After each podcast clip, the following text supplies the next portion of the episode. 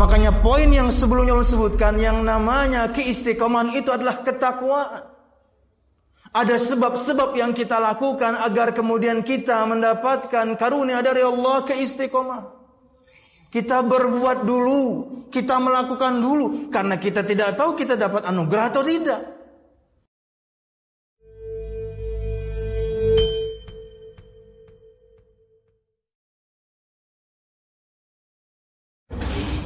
Assalamualaikum warahmatullahi wabarakatuh.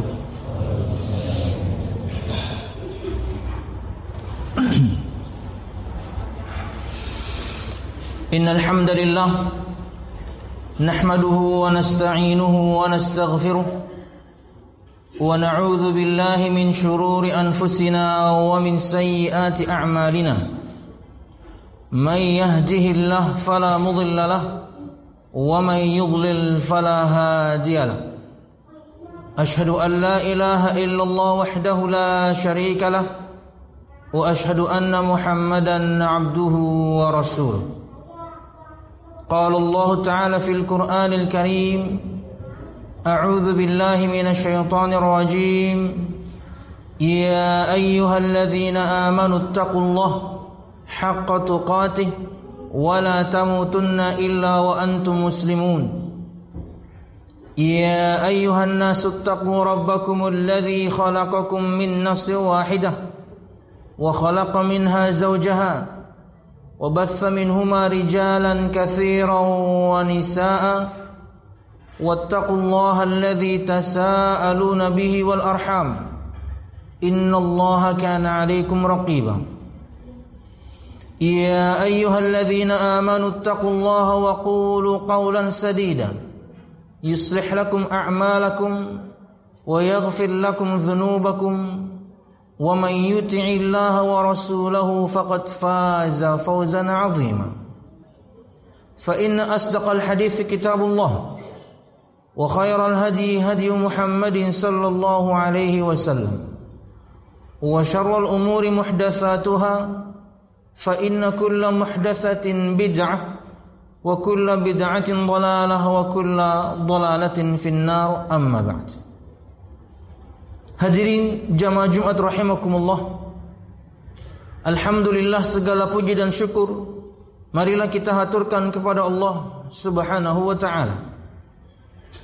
Kemudian salawat serta salam Semoga selalu tercurahkan kepada junjungan besar Nabi kita Muhammad sallallahu alaihi wasallam juga beserta para sahabatnya, keluarganya dan segenap kaum muslimin yang selalu istiqamah berpegang teguh dengan Islam sampai hari kiamat kelak. Hadirin jamaah Jumat rahimakumullah. Pada kesempatan Jumat kali ini kita mengangkat satu tema berkaitan dengan istiqamah adalah anugerah. Sebelum masuk pada bahasan berikut beberapa poin sebagai muqaddimah yaitu satu definisi apa sebenarnya istiqamah yang disebutkan oleh Imam Ibn Rajab Al-Hambali rahimahullah taala dalam kitab Jami' Al-Ulum Al-Hikam. Kata beliau rahimahullah taala al-istiqamah hiya سلوك الطريق المستقيم وهو الدين القيم الذي لا تعويج عنه يمنة ويسرا. فيشمل ذلك فعل المأمورات كلها وترك المنهيات كلها كذلك. استقامة atau استقامة itu adalah kata beliau menapaki jalan yang lurus dan yang dimaksudkan dengan jalan yang lurus itu adalah agama Islam yang mulia ini. Di mana tidak ada bengkok atau belok ke kanan atau ke kiri. Maka makna ini kata beliau mencakup mempraktekkan semua perintah-perintah Allah dan meninggalkan semua larangan-larangan Allah Subhanahu wa taala. Artinya dari definisi dari Imam Ibn Rajab ini kita tahu bahwasanya yang namanya istiqamah adalah takwa itu sendiri. ketika seorang menjalankan perintah-perintah Allah Subhanahu wa taala sesuai dengan kemampuannya tidak bisa kita maksimal meninggalkan larangan-larangan Allah Subhanahu wa taala semaksimal yang kita bisa. Maka di saat yang sama itulah keistiqomahan. Karena dia sedang menapaki jalan yang lurus. Dia bukan cuma memeluk agama Islam tapi dia menjalankan ketaatan kepada Allah Subhanahu wa taala. Makanya pada poin yang kedua, Imam Qatadah rahimahullah taala seorang ahli tafsir dari kalangan tabi'in menafsirkan firman Allah Subhanahu wa taala berkaitan dengan keistiqomahan dengan ketaatan. Allah Subhanahu wa taala berfirman, dalam surah Al-Ahqaf ayat 13 Innal ladzina qalu rabbuna Allah thumma istaqamu fala khaufun 'alaihim wala hum yahzanun Sesungguhnya orang-orang yang mengatakan Tuhan kami adalah Allah Subhanahu wa taala kemudian mereka istiqamah maka tidak ada ketakutan bagi mereka dan tidaklah mereka bersedih hati Kata Imam Qatadah, "Ai istaqamu ala ta'atillah." Orang-orang yang mengatakan Tuhan kami adalah Allah Subhanahu wa taala, kemudian mereka istiqamah. Kata beliau, istiqamah di atas ketaatan kepada Allah Subhanahu wa taala. Jadi makna istiqamah itu takwa itu sendiri. Ketika seorang melakukan perintah dan meninggalkan larangan. Jamaah Jumat rahimakumullah. Dan masuk pada bahasan tema kita bahwasanya istiqamah adalah anugerah. Ini adalah poin yang ketiga. Bahwasanya keistiqomahan, ketakwaan selama ini yang kita lakukan ketika alhamdulillah kita menjalankan perintah. Alhamdulillah kita bisa meninggalkan larangan. Sabar kita dalam kedua hal tersebut karena semuanya perlu kesabaran. Kalau tidak sabar, pian tidak pernah akan bisa ke masjid ini. Kalau pian tidak sabar, pian akan lakukan semua maksiat itu. Maka semua yang kita lakukan selama ini, baik menjalankan perintah Allah atau meninggalkan larangan Allah Subhanahu wa taala itu anugerah. Itu pemberian dari Allah Subhanahu wa taala. Itu karunia.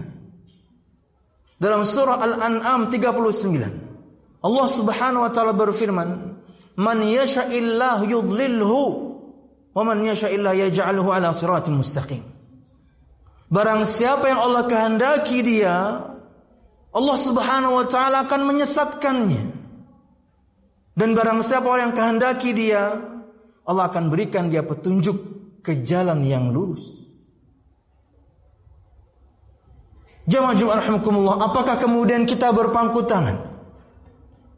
Hanya kemudian mengharapkan dan juga berdoa semoga Allah Subhanahu wa taala karuniakan kita keistiqomahan? Tidak. Makanya poin yang sebelumnya disebutkan yang namanya keistiqomahan itu adalah ketakwaan. Ada sebab-sebab yang kita lakukan agar kemudian kita mendapatkan karunia dari Allah keistiqomahan. Kita berbuat dulu, kita melakukan dulu karena kita tidak tahu kita dapat anugerah atau tidak. Yang kita tahu kita dapat beban perintah, yang kita tahu kita dapat beban untuk meninggalkan yang dilarang. Jadi ada sebab-sebab yang kita lakukan sebagai seorang hamba hingga kemudian kita mendapatkan rahmat itu, hingga kemudian kita mendapatkan keistiqomahan itu. Karena kita tidak punya pilihan kecuali taat. Tujuan kita diciptakan itu beribadah. Kita tidak punya pilihan kecuali taat. Al-Ahzab 36 Allah Subhanahu wa taala berfirman, "Wa ma kana lil mu'minin wa la mu'minatin idza qada Allah wa rasuluhu amran ay yakuna lahumul khiyaratu min amrihim." Tidaklah patut untuk seorang mukmin dan mukminah jika Allah Subhanahu wa taala dan rasulnya telah menentukan satu hukum Entah itu perintah ataupun larangan. Mereka memiliki pilihan dalam perkara tersebut. Artinya kita nggak punya pilihan. Kecuali mentaati Allah subhanahu wa ta'ala dan Rasulnya. dan meninggalkan larangan Allah Subhanahu wa taala dan Rasul. Dan inilah semboyan seorang muslim. Sami'na wa ata'na. Kami dengarkan dan kami taati. Perintah kami lakukan. Karena pasti begitu banyak manfaat dan faedah di balik sebuah perintah. Itu pasti. Berkata Syekh Sa'di rahimahullah taala, tidak ada satu perintah kecuali di baliknya begitu banyak manfaat dan tidak ada satu larangan kecuali di baliknya begitu banyak madarat. Kita tidak pernah tahu itu. Tapi kita menjalankan pasti di baliknya begitu banyak manfaat menanti. Kita kemudian meninggalkan pasti begitu banyak kemaluan menghadang kalau kita kemudian terobos larangan itu. Jamaah Jumat rahimakumullah. Allah Subhanahu wa taala berfirman dalam surah Ali Imran 132, "Wa atiullaha war rasula la'allakum turhamun." Dan taatilah Allah subhanahu wa ta'ala dan Rasulnya agar kalian mendapatkan rahmat. Itulah yang dimaksudkan dengan keistiqomahan ketika seorang mendapatkan. Dia melakukannya dulu. Dia berusaha dulu. Ada perintah Allah dia lakukan. Ada perintah Nabi Muhammad dia lakukan. Ada larangan Allah subhanahu wa ta'ala dan Nabi juga dia tinggalkan. Tanpa ragu. Ayat Allah pasti benar, sabda Nabi Muhammad yang sahih, ingat ada embel-embel yang sahih, pasti benar. Maka tidak boleh seorang ragu akan perintah Allah dan juga larangan. Dilakukan semua hal tersebut, maka rahmat Allah akan kita dapatkan. Ingat jamaah, sabda Nabi Muhammad sallallahu alaihi wasallam, "Ma minkum min ahadin yudkhiluhu 'amaluhu al-jannah." Tidak ada seorang pun di antara kalian yang karena amalnya lah yang memasukkan dia ke surga Allah. Tidak ada.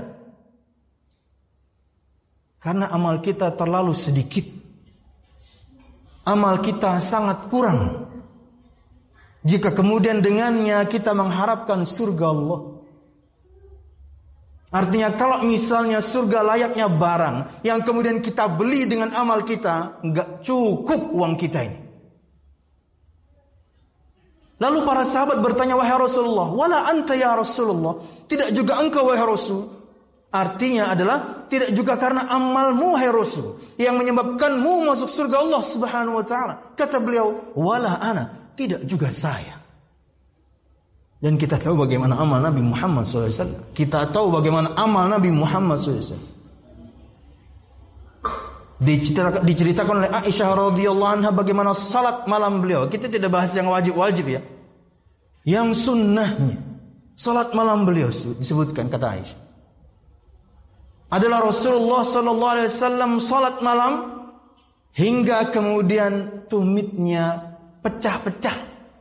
Hingga kemudian betisnya mengeras karena saking lamanya berdiri. Kencang kulit betisnya. Dari lutut sampai mata kaki itu namanya betis karena saking lamanya berdiri. Kata beliau radhiyallahu anha, jangan kau tanya bagaimana indahnya salat Nabi Muhammad, jangan kau tanya bagaimana lamanya salat Nabi Muhammad. Kita tahu amal Nabi Muhammad. Ini baru bahas salat dan baru bahas salat sunnah dan baru bahas tahajud. Kita belum bahas yang lain. Kembali kepada hadis yang pertama, tidak juga engkau wahai Rasul, tidak juga karena amalmu yang menyebabkanmu masuk surga Allah Subhanahu wa taala, karena surga Allah pertama kali dibukakan untuk Nabi kita Muhammad sallallahu alaihi wasallam. Ati babal jannah fa astaftihu fa yaqulu al-khazinu man anta? Fa aqulu ana Muhammad. Bika umirtu alla aftaha li ahadin qabla. Dalam riwayat Imam Muslim. Aku kelak akan mendatangi pintu surga dan aku akan minta bukakan. Kemudian penjaga pintu surga mengatakan siapa kamu? Kemudian aku mengatakan aku Muhammad. Kemudian penjaga pintu surga mengatakan, hanya untuk kamulah aku membukakan pintu ini untuk pertama kali. Memang tersirat bahwasanya penjaga pintu surga tidak tahu siapa Nabi Muhammad karena tugas dia jaga pintu dari awal diciptakan. Dia bukan malaikat yang kemudian turun ke bumi dan warawiri. No. Makanya dia bertanya, siapa kamu? Saya Muhammad. Oh, hanya untuk kamu saya diperintahkan untuk membuka pintu ini pertama kali. Kembali ke hadis yang pertama. Tidak juga engkau wahai Rasul. Bukan karena amalmu yang menyebabkanmu masuk surga Allah Subhanahu wa taala kata Nabi Muhammad, juga bukan saya subhanallah. Dengan amal yang sedahsyat itu bukan karena itu. Kata Nabi Muhammad SAW, illa ayyataghammadani Allah birahmati. Kecuali bedanya adalah Allah telah melimpahkan rahmatnya kepadaku. Seseorang mendapatkan anugerah keistiqomahan itu karunia dari Allah. Maka bersyukurlah kepada siapa pun di antara pian. Ketika pian mudah menjalankan ketaatan ini, berbaik sangka kita kepada Allah Subhanahu wa taala, inilah keistiqomahan yang Allah anugerahkan kepada kita. Karena banyak orang di waktu yang sama seperti ini, muslim mereka, lelaki mereka, tidak semudah kita menjalankan ketaatan saat ini. Karena bisa jadi mungkin dia sedang safar, terlepas dari memang betul-betul ada orang-orang yang tidak peduli dengan Jumatan, tidak peduli dengan ketaatan. Mudahnya seorang menjalankan ketaatan kepada Allah Subhanahu wa taala itu karunia, itu anugerah dari Allah Subhanahu wa taala. Tapi apakah kemudian kita hanya menunggu Semoga kemudian saya mendapatkan anugerah keistiqomahan. Tidak, kita lakukan sebabnya. Kita punya pilihan. Dan kita memilih untuk taat kepada Allah. Kita memilih untuk meninggalkan larangan Allah dan juga Rasulnya Muhammad sallallahu alaihi wasallam. Disebutkan dalam sebuah riwayat dari Anas bin Malik radhiyallahu anhu. Beliau bertanya kepada Nabi Muhammad sallallahu alaihi wasallam, "Kenapa wahai Rasul?" Engkau begitu banyak sekali mengulang-ulang doa yang berbunyi, Ya muqallibal qulub, thabbit qalbi ala dinik. Ya Allah ya Tuhanku yang maha membolak-balikkan hati, mantapkan, kokohkan, teguhkan aku berjalan di atas agamamu. Istiqomah. Definisi pertama. Kata Anas bin Malik radhiyallahu anhu, "Amanna bika wa bima ji'ta bihi. Fahal takhafu alaina?" Wahai Rasul, kami beriman kepadamu kami beriman dengan yang diturunkan kepadamu. Kami beriman kepada Al-Quran dan As-Sunnah. Kami beriman. Apakah kamu takut akan iman kami? Hingga kok kemudian doa engkau wahai Rasul. Mantapkan, kokohkan aku selalu di atas agamu. Engkau takut akan iman kami wahai Rasul. Kami beriman kepadamu. Jawab Nabi Muhammad SAW. Iya. Subhanahu. Yang kita bicarakan seorang sahabat generasi terbaik umat ini. Sama seperti hadis ketika Nabi Muhammad takut ria itu menimpa para sahabat. Yang beliau ajak bicara kala itu para sahabat.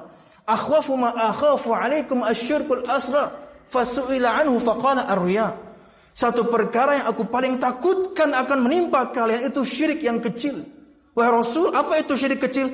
Ria beramal untuk dilihat orang, beramal untuk didengar orang, beramal untuk dibicarakan orang. Siapa yang Nabi Muhammad sedang hadapi? Sahabat. Orang yang paling tebal imannya, paling baik hatinya, paling baik kondisinya, paling baik, paling sedikit salahnya kata Ibnu Mas'ud.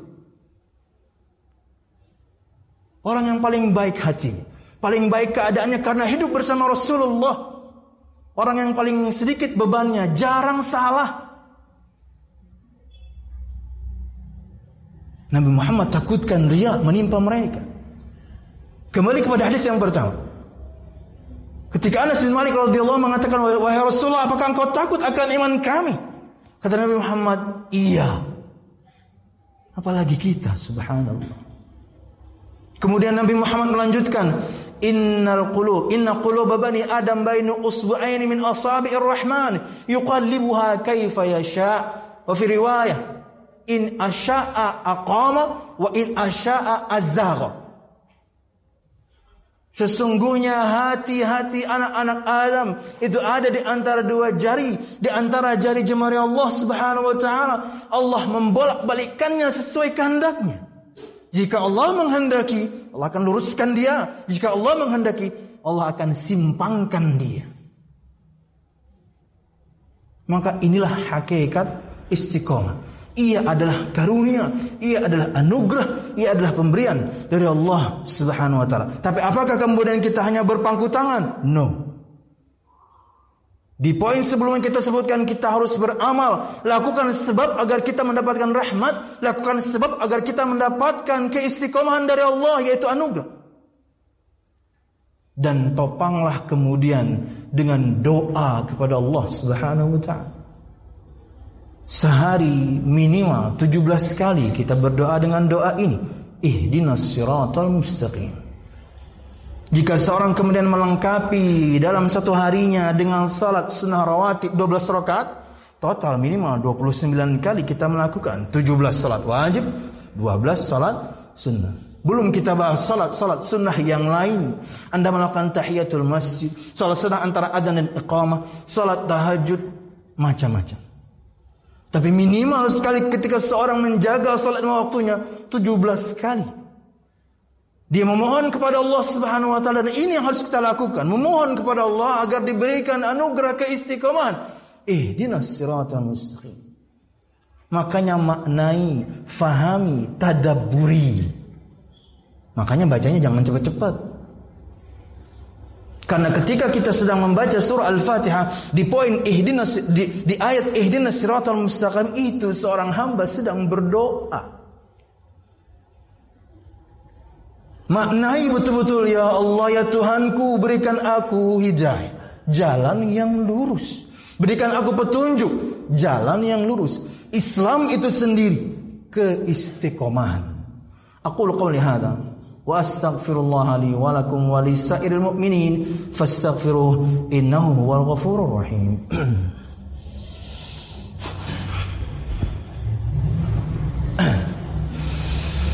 Alhamdulillah الحمد لله الذي هدانا لهذا وما كنا لنهتدي لولا ان هدانا الله والصلاه والسلام على اشرف الانبياء والمرسلين محمد صلى الله عليه وسلم وعلى آله وأصحابه أجمعين الذي حارب الباطل وأيد الحق وطمس الرذائل وأحيا الفضائل وتمم مكارم الأخلاق وهدى الناس إلى صراط مستقيم صراط الذين أنعم الله عليهم من النبيين والصديقين والشهداء والصالحين وحسن أولئك رفيقا Hadirin jamaah Jumat rahimakumullah.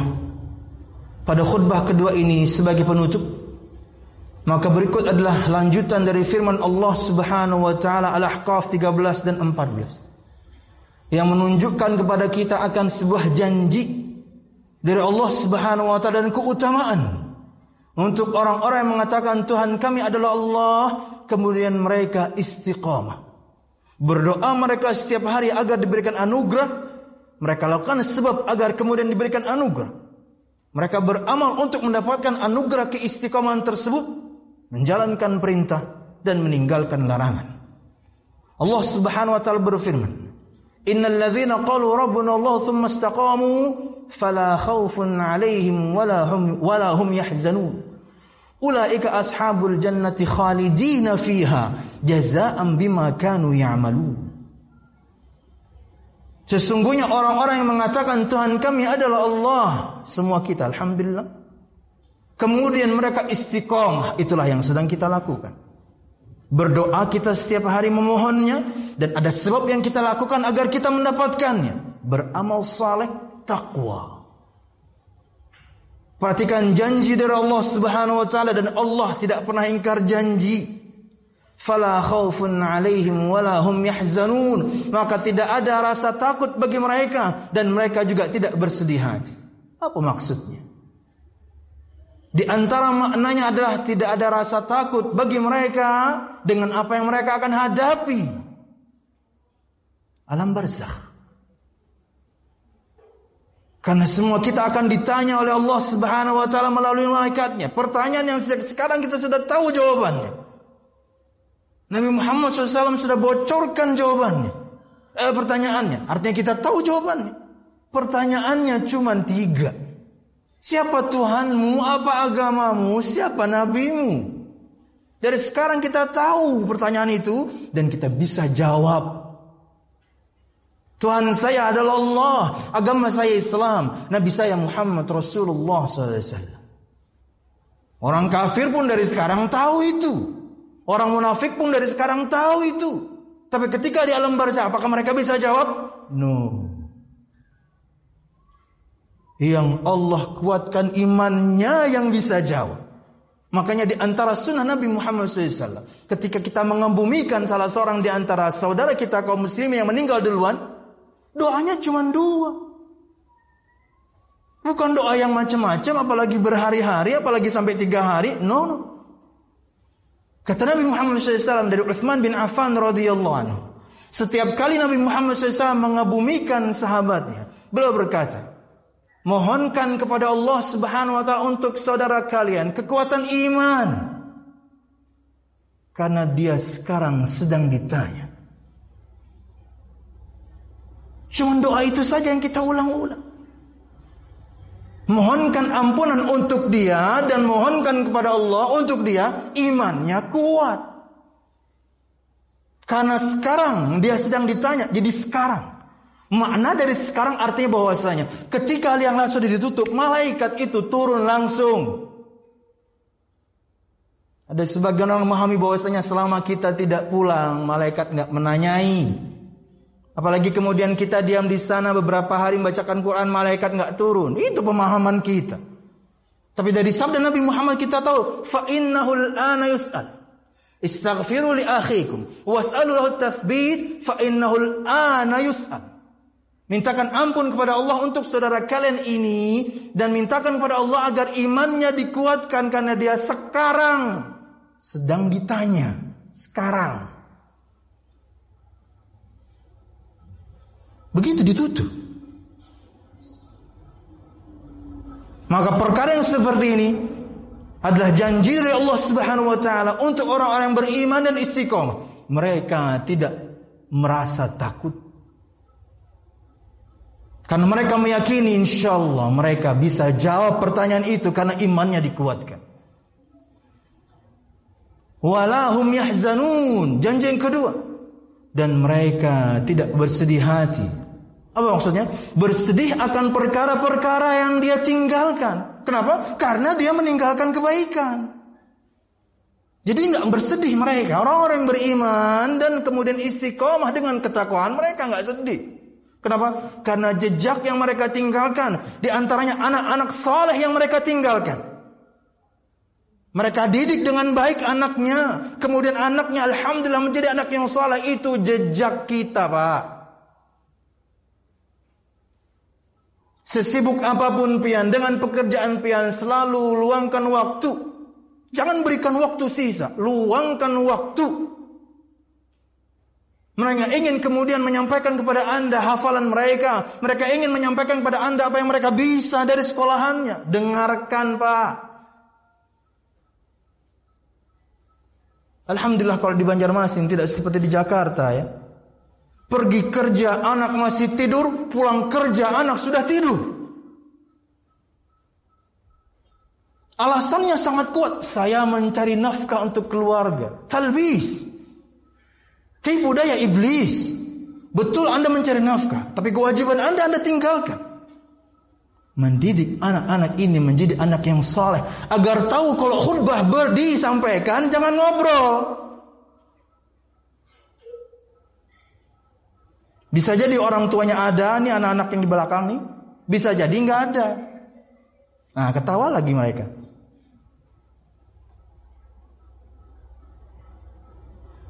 Ini kewajiban kita ngasih tahu. Ketika khotib sudah naik ke atas mimbar, diem. Saya nggak tahu orang tua mereka. Tapi kalau anak saya ngobrol, wah di rumah ada pisah aja hukumannya. Oh, itu urusan saya. Karena mereka akan menjadi jejak saya. Bodoh amat dengan anak orang ini.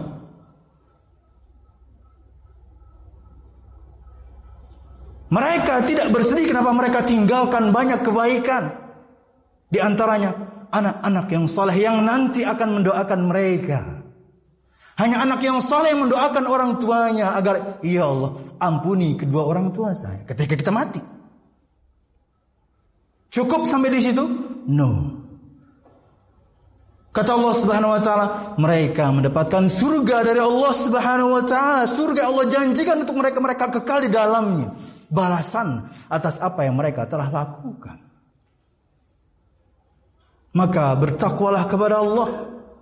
Lakukanlah perintah, tinggalkanlah larangan. Lakukan sebab untuk mendapatkan rahmat itu. Lakukanlah sebab untuk mendapatkan keistiqomahan itu. Sambung kemudian dengan doa maknai resapi tadaburi. Ya Allah, berikan saya jalan yang lurus. Tunjukkan pada saya jalan yang lurus. Hingga kemudian tiga keutamaan tadi. Kita dapatkan insya Allah dunia, alam barzakh, dan tentunya akhirat kelak. Amin. Ya Rabbal Alamin. Ini yang bisa ulun sampaikan. Mudah bermanfaat salat dan khilaf ulun mohon maaf. Mudahan kemudian semua kita diberikan anugerah keistiqomahan dari Allah Subhanahu wa taala hingga kemudian dengannya kita menjalankan perintah dan kemudian alhamdulillah mudah kita meninggalkan larangan. Amin ya rabbal alamin. Allahumma aqsim lana min khasyatika ma tahulu bihi bainana wa baina ma'siyatik wa min ta'atika ma tuballighuna bihi jannatak min al-yaqini ma tuhawwinu bihi alaina masa'ib ad-dunya. ومتعنا الله بأسماعنا وأبصارنا وقواتنا أبدا ما أحييتنا. واجعله الوارث منا واجعل ثأرنا على من ظلم. يا أرحم الراحمين. ربنا هب لنا من أزواجنا وذرياتنا قرة أعين واجعلنا للمتقين إماما. ربنا لا تزغ قلوبنا بعد إذ هديتنا وهب لنا من لدنك رحمة إنك أنت الوهاب. اللهم إنا نسألك حسن الخاتمة. ونعوذ بك من سوء الخاتمة أرحم الراحمين. اللهم إنا نسألك الجنة وما قرب إليها من قول أو عمل. ونعوذ بك من النار وما قرب إليها من قول أو عمل. ربنا آتنا في الدنيا حسنة وفي الآخرة حسنة وقنا عذاب النار. سبحان ربك رب العزة عما يصفون والسلام على المرسلين والحمد لله رب العالمين. أكمل الصلاة.